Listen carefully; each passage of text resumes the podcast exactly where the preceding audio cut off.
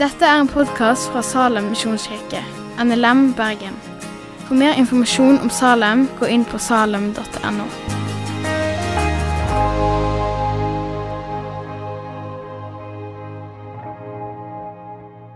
Da står jeg her oppe med Kjetil. Jeg glemte å si det, men du er jo ikke nok med at du heter Kjetil og, og Vadsøy, sånn, men du er også styreleder her i Salem. Eh, ja, det stemmer. Ja, jeg lyver ikke, jeg sier det. Nei. Så for dere som ikke visste det, så, så vet dere det også. Men for de av oss som ikke kjenner deg så godt, Kjetil, før du taler, så kan du ikke bare si litt mer om hva du gjør annet enn å være styreleder i, i Salem? Ja, uh, Det spørs hvor jeg skal begynne. Jeg er ikke nyfrelst, men jeg er relativt nygift. Um, så det er bare et halvt år gammelt. Jeg føler det nytt. Og så har jeg gått her i Salem sju, åtte, ni år ish. Ellers på fritid og sånn så driver jeg litt en ungdomsklubb ute på Kirkegrinsen bedehus. Har noen konfirmanter der. Så hvis dere føler at jeg snakker til konfirmanter, så er det bare at det er det nivået jeg pleier å ligge på. Eh, jeg forventer at dere sitter like stille. Eh, ja. Vet ikke Noe annet jeg ville sagt? Nei, jeg tror det er veldig bra. Vi kan tenke på disse her som konfirmanter. Det er egentlig en fin, eh, jeg tror er egentlig en fin. Da, Jeg ber for deg før du slipper til. Gjør det. Kjære Jesus, eh, med Kjetil nå. Eh, og møt oss i ordet ditt. Hellige Ånd, kom og åpne hjertene våre når vi skal høre på. Og la oss få se enda mer av hvem du er. Amen. Jeg kan jo begynne med å si at Det er to ting som gjør meg nervøs. eller det er sikkert flere, men det er to ting jeg virkelig liksom kjenner på kroppen. Det er crossfit. Hver gang vi skal på crossfit-trening, så er jeg alltid litt sånn uggen i magen og litt sånn Jeg har ikke lyst. Og så er det bra etterpå. Eh, og så er det når jeg skal tale, så er det sånn to minutter før jeg skal tale. Så blir jeg liksom skjelven i kroppen. Men det er sikkert bra. Um, jeg har hørt at jeg ikke skal gjøre unnskyldninger før en tale. Det lærte jeg på bibelskolen. Men jeg vil bare liksom tippe dere litt inn i at det ikke er en bibeltime dere får. Det er kanskje litt mer betraktninger, sånn at dere er litt sånn klar over sjangervalget. Så dere ikke tenker 'hen forsvant bibelreferansene' og, og det der. Men det er en litt annen stil, kanskje. Det var det som på en måte traff meg når jeg forberedte meg. Eh, I dag så er det diakonisøndag, og planen var Eller jeg ble i hvert fall spurt om kan du vinkle det inn eh, mot diakoni.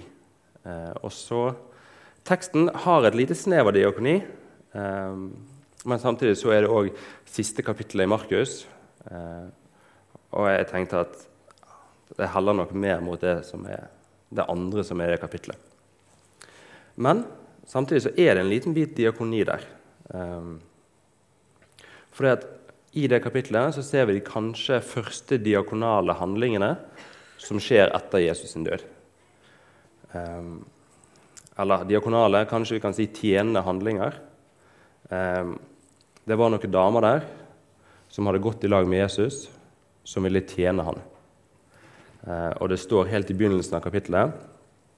Og Da sabbaten var til ende, kjøpte Maria Magdalena og Maria, Jakobs mor, og Salome velduftende oljer for å gå og salve ham. Meget tidlig den første dagen i uken kom de til graven da solen gikk opp. De sa til hverandre, Hvem skal rulle steinen bort fra graveåpningen for oss? Disse ønsket å gjøre noe godt ifra Jesus. Og Det kunne vi liksom snakket videre om. Hva er det som gjør at disse damene ønsker å gjøre noe godt for Jesus?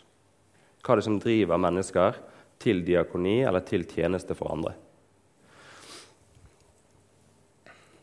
Eh, Men vi skal bare rett videre i det som skjer videre i dette kapittelet. Eh, For selv om kanskje talen forrige gang var midtpunktet i evangeliet, eller ofte det vi regner som midtpunktet i evangeliet, Jesus som dør på korset, eh, så vet vi, vi som har sett litt film og eh, lest noen historier, at det er jo ikke klimakset, det er jo et vendepunkt. Og den, det store klimakset kommer faktisk litt seinere. For det at i forrige kapittel så leser vi egentlig om at helten blir beseira. Eh, frelseren vår, han som vi og disiplene har satt sin tillit og tro til, håp til, han ser ut til å bli overvunnet. Han dør på korset. Det er mørkt, det er sorg, det er frykt. Eh, disiplene forlater han, de er spredt for alle vinder. Eh, det var noen få igjen i Jerusalem som ser på at det skjer. Eh, Peter gråter, som vi vet. Og det er egentlig der vi står på langfredag. Og, og hvor er egentlig vi på langfredag? Hva hjelper det egentlig meg at frelseren min er død? Eh, jo, han tok på seg min skyld, og han døde for den. Han tok min plass på korset. Men hvis han er død, hva, hva er det da igjen? Og det er egentlig der vi er. Det leder liksom opp til korset, og så, så, så, ser det ikke ut som en seier der. Og så er vi på en måte vei, på vei ned i en dal igjen.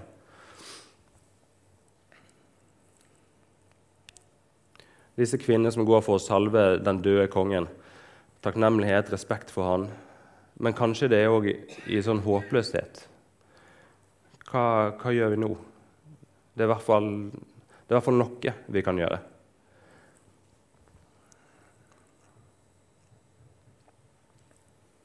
Der er vi etter langfredag. Og så kommer klimakset nå etterpå, eller det ledes inn i det. Men det underlige er at kanskje det klimakset det kommer, det kommer ikke sånn som det kommer gjerne i filmer, der du liksom hører bassen bygge seg opp, og det liksom omtrent bruser.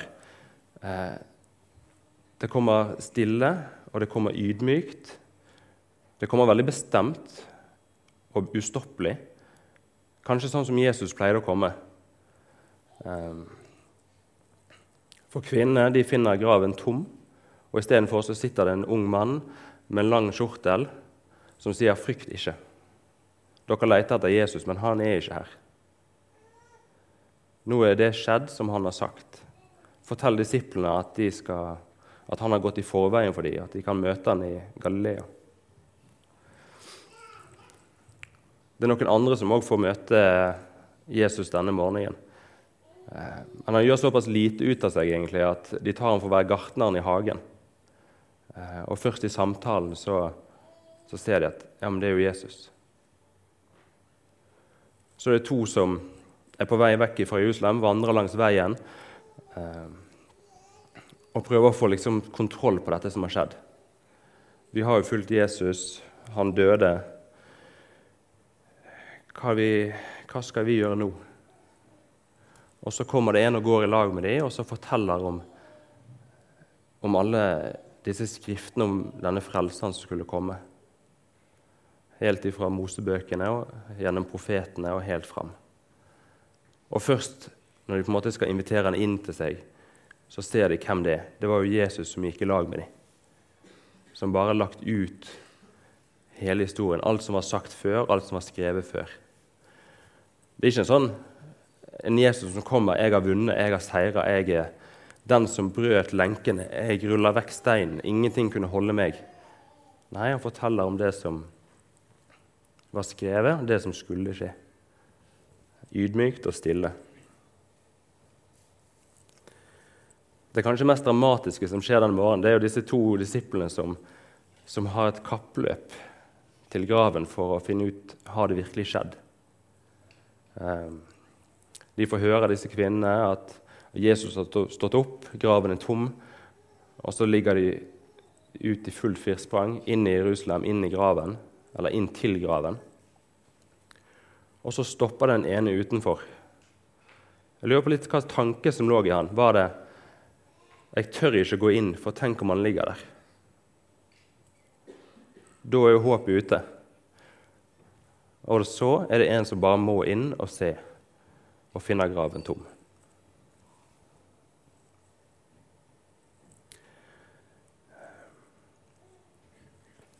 Klimaks i denne historien er på en måte uten de store fanfarene. Det er ikke sånn som julenatt, med engleskaren som synger eh, og fullt leven, eller som palmesøndag bare en uke før, eh, der han blir hylla som en konge ridende inn i Jerusalem skulle tenke at det var mer passende. Um, men påskemorgen er noe helt annet. Um, for min del så, så, tenker jeg gjerne på, på soloppgang og på tidevann. Um, når jeg tenker på påskemorgen. Um, altså, har dere sett tidevann som kommer inn, eller når det flør? Altså, Du ser jo ikke at det kommer. Uh, det skjer helt umerkelig, nesten. Plutselig så er det der. Og så vet en at det er bare ingenting som kan stoppe det fra å komme. Og samme hvis du har vært eh, sånn som jeg av og til på fjelltur og sovet i telt, og så våkner du fordi du er litt kald på morgenen, og så bare venter du på at solen skal stå opp. Så det er ikke sånn at den kommer med liksom lyd og leven av et sterkt brus. eller noe sånt. Det er bare at du ser det blir lysere og lysere og lysere. Og hvis du ikke helt følger med, hvis du er dum og stikker hodet inn i posen litt til og sover fem minutter lenger, så er plutselig solen på himmelen, og så har du gått glipp av soloppgangen. Eh, det skjer stille, forsiktig, men samtidig ganske plutselig. Og så endrer jo en soloppgang alt. Lyset gjør at vi kan se noe igjen. Hele verden vår er forandra av noe som kom stille og forsiktig. Men det er faktisk klimakset, at Jesus sto opp igjen. Den seieren han vant der. Selv om han ikke kommer med de fanfarene vi kanskje forventer, så er det der det virkelig store skjedde.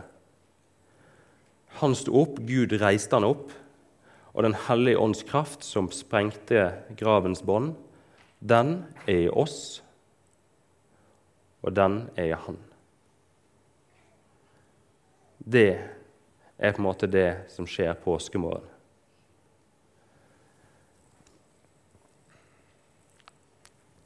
Eh, noen dager så kjenner vi gjerne mest på synd i oss. Det som er galt, det som ikke er sånn som det skulle være. Um, jeg vet bare for min egen del, Før jeg kom, kom her, så tenkte jeg på veien at åh, Gud, jeg kjenner egentlig at jeg har vært langt vekke lenge. Jeg, eh, jeg har ikke vært på rett plass med deg på en stund. Eh, eller kanskje andre ting som, som ligger i livet vårt, som vet at det ikke er i orden. Vi ser så godt at, at dette holder oss fast. Og så vet vi eh, at Jesus tok dette på korset. Eh, som det står i Kolosserne. Han utslettet skyldbrevet mot oss som var skrevet med bud. Det som gikk oss imot. Det tok han bort da han naglet det til korset.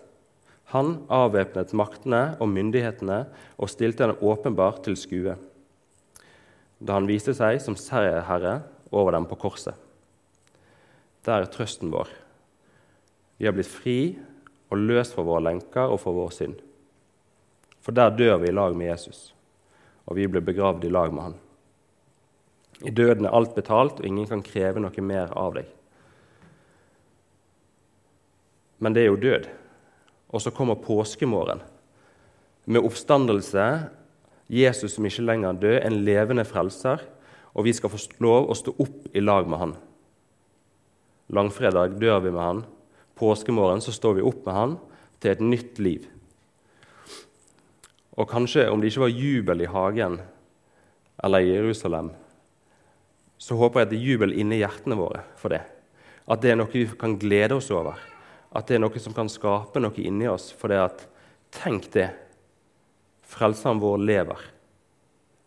Han knuste døden. Død, hvor er din brodd? Jeg skal leve evig. Tenk vi får lov å kjenne på det fordi at Jesus sto opp på påskemorgen. Og Paulus holder dette også som det viktigste beviset. Kanskje dere har lest evangeliet, eller sånn som vi har vært gjennom Markus nå, så så gjør Jesus en hel del ting som peker på at han er Gud. Når han helbreder, de tingene han sier, det som skjer rundt han. Men så er det dette beviset. For hvem kan vekke noen opp fra de døde? Hvem kan bryte døden sine bånd? Om ikke det er Gud. Og Paulus sier, men er Kristus ikke reist opp, da vår forkynnelse ingenting. Og den troen dere har, intet. Dette at Jesus sto opp, det at han faktisk sto opp, Det er det største beviset på at han er den som han sa han var. Og jeg tenker Det er det viktigste for livene våre òg. For uten en levende Jesus som vil gå i lag med oss, hvordan skal vi leve livene våre? Det er jo det vi trenger. Vi trenger en levende frelser som kan gå med oss. For vi vet at en dag alene det klarer ikke vi engang uten han.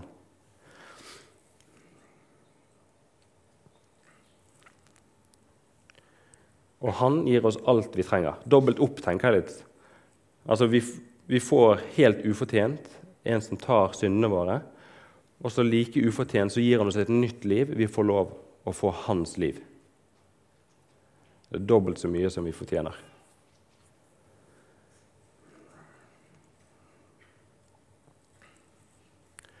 Um, da jeg var i lag med Åshild første gangen, min kone, så, um, så spurte hun av og til liksom, hvordan går det Så sa jeg at jeg overlever. Og så svarte hun alltid med at det er ikke nok å overleve, du må leve òg. Um, ehm, og det tror jeg er veldig sant inn i kristenlivet.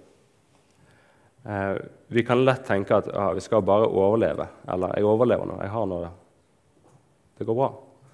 Men vi har jo fått et helt liv å leve. Vi skal leve det. Um, jeg, jeg hørte et vitnesbyrd som var litt sånn at vi må stå på synderplassen, sånn at vi kan kjenne Guds store nåde. Jeg må være der på kne foran korset med mine synder, sånn at jeg kan se den store nåden. Så tenker jeg ja, vi skal der én gang, og så skal vi se at Jesus har tatt plassen vår, og at det er betalt. Og så har vi et liv vi skal leve. Vi skal ikke bli stående der. Vi har fått nåden, vi har fått et nytt liv. Det er noe vi skal leve. Vi skal ikke bli stående. Og Det er kanskje òg fokuset i slutten av kapittelet. Eh, Jesus avslutter med å sende ut disiplene. Han sa til dem.: Gå ut i all verden og forkynn evangeliet for all skapningen. Den som tror og blir døpt, skal bli frelst, men den som ikke tror, skal bli fordømt. Og så gjør Markus som alle andre historiefortellere. Han oppsummerer det kort om hva som skjer videre. De gikk ut og forkynte overalt. Og Herren virket med og stadfestet ordet ved det tegnet som fulgte med. Så han bare oppsummerer, runder av historien sin og så er vi i slutten av Markus 16. Jeg vet ikke hvordan dere har det når dere kommer til liksom siste siden i en bok. Det er ofte litt sånn vemodig. Hva skjer nå videre? Eh, heldigvis så finnes det et par bøker til her eh, om de samme folka, de samme karakterene, så vi trenger liksom ikke skille lag med det helt enda. Men så er det en slutt der òg. Og så er det hvor ender denne historien egentlig? Hva skjedde egentlig med disse kristne? Ehm, og så er det liksom Dette er kanskje den ene historien der vi faktisk er fortsettelsen. Det er mitt og ditt liv, vi som er kristne, som faktisk er resten av fortellingen. Ehm, det er det vi, livet som vi lever. Historien om Jesus er ikke en Stopp der. Det er en historie vi fortsatt lever. Vi skal leve med Jesus hver dag. Vi får lov å gå i lag med hovedpersonen her. Han er med oss når vi skal gå ut og forkynne, når vi skal dele evangeliet, når vi skal få være med på dette store. Um, men så er det kanskje spørsmålet som, som treffer oss. Hvordan gjør vi det? Ehm, og Det, det syns jeg òg er vanskelig å svare på. Ehm, og i hvert fall hvis du skal prøve å gjøre det litt sånn kort. Ehm, så ble jeg liksom utfordra liksom på hva, hva konkret ligger der. Nå har jeg sagt at vi skal leve livet med Jesus, og nå vi skal gå ut og vi skal forsyne Men hvordan? Og så kan vi tenke at Vi står på slutten av Markus 16 nå. Vi kan egentlig bare bla om og så begynne på Lukas eller en av de andre bøkene, og så fortsetter vi der. Og så tar vi det inn i hvordan vi lever. Ok, Hva er det Jesus og hva er det disiplene gjør på? Hva de gjorde hver dag? Hva er det som skjer gjennom evangeliene? Hva er fokuset deres? Hva det Paulus holdt på med? Ok, Så ser vi på det. Så ser vi hvordan Jesus møter mennesker. Han møter dem med kjærlighet, han møter dem med sannhet. Ok, Hvordan skal jeg da møte mennesker? Hva gjør Jesus når han møter noen som er syke? Hva skal jeg gjøre? Hva ting er det som disiplene lærer av Jesus? Når Jesus forteller ligninger og historier, hva er det jeg trenger å lære? Så er det noen som får kjeft av Jesus, blir rettesatt. Hva er det livet mitt som Jesus vil sitte en finger på? Når trenger jeg å bli satt på plass? Hva sier Jesus om de rundt oss? Hvem er de som jeg har rundt meg, som, som trenger noe, som jeg kan få lov å gi noe til? Hvem er det Jesus venner seg til når han er i redsel og i nød? Venner jeg meg til Gud når jeg har noe som ligger på meg? Og med å på en måte se på Jesus og disiplene, og så flytter de inn til hvordan er det med meg, så kan vi få lov å gå i lag med Jesus hver dag. Og så får vi lov å være fortsettelsen av historien, som ikke er bare en oppdikta fantasi, eller noe, men som er faktisk det livet vi lever her. Og det er faktisk med en levende frelser som lever i oss og med oss. Vi er en del av historien om Jesus fra Nasaret. Vi er på en måte Markus 57 eller et eller annet sånt. Eller kanskje 2048. Jeg vet ikke. Langt ute der en plass. Så han sa til dem, gå ut i verden og forkynn evangeliet for all skapningen. Den som tror og blir døpt, skal bli frelst, men den som ikke tror, skal bli fordømt. Det er oppdraget. Og så går han med til verdens ende. Da vil jeg eh, be litt til slutt. Kjære Gud, takk for at din historie ikke ender. Takk for påskemorgen, takk for oppstandelse, takk for at du kunne bryte dødens lenker. Takk for at du ga ditt liv for meg, og takk for at du sto opp ber Herre om at vi må få lov å kjenne den sannheten i oss. Ber om at vi må få lov å kjenne din nærhet, Herre. Kom og fyll oss med din Hellige Ånd, Herre, i ditt navn. Takk for at du har hørt på podkasten fra Salem, Bergen. I Salem vil vi vinne, bevare, utruste og sende, til Guds ære. Vi ønsker å se mennesker finne fellesskap, møte Jesus og bli disippelgjort her i Bergen og i resten av verden. Vil du vite mer om oss, gå inn på salem.no.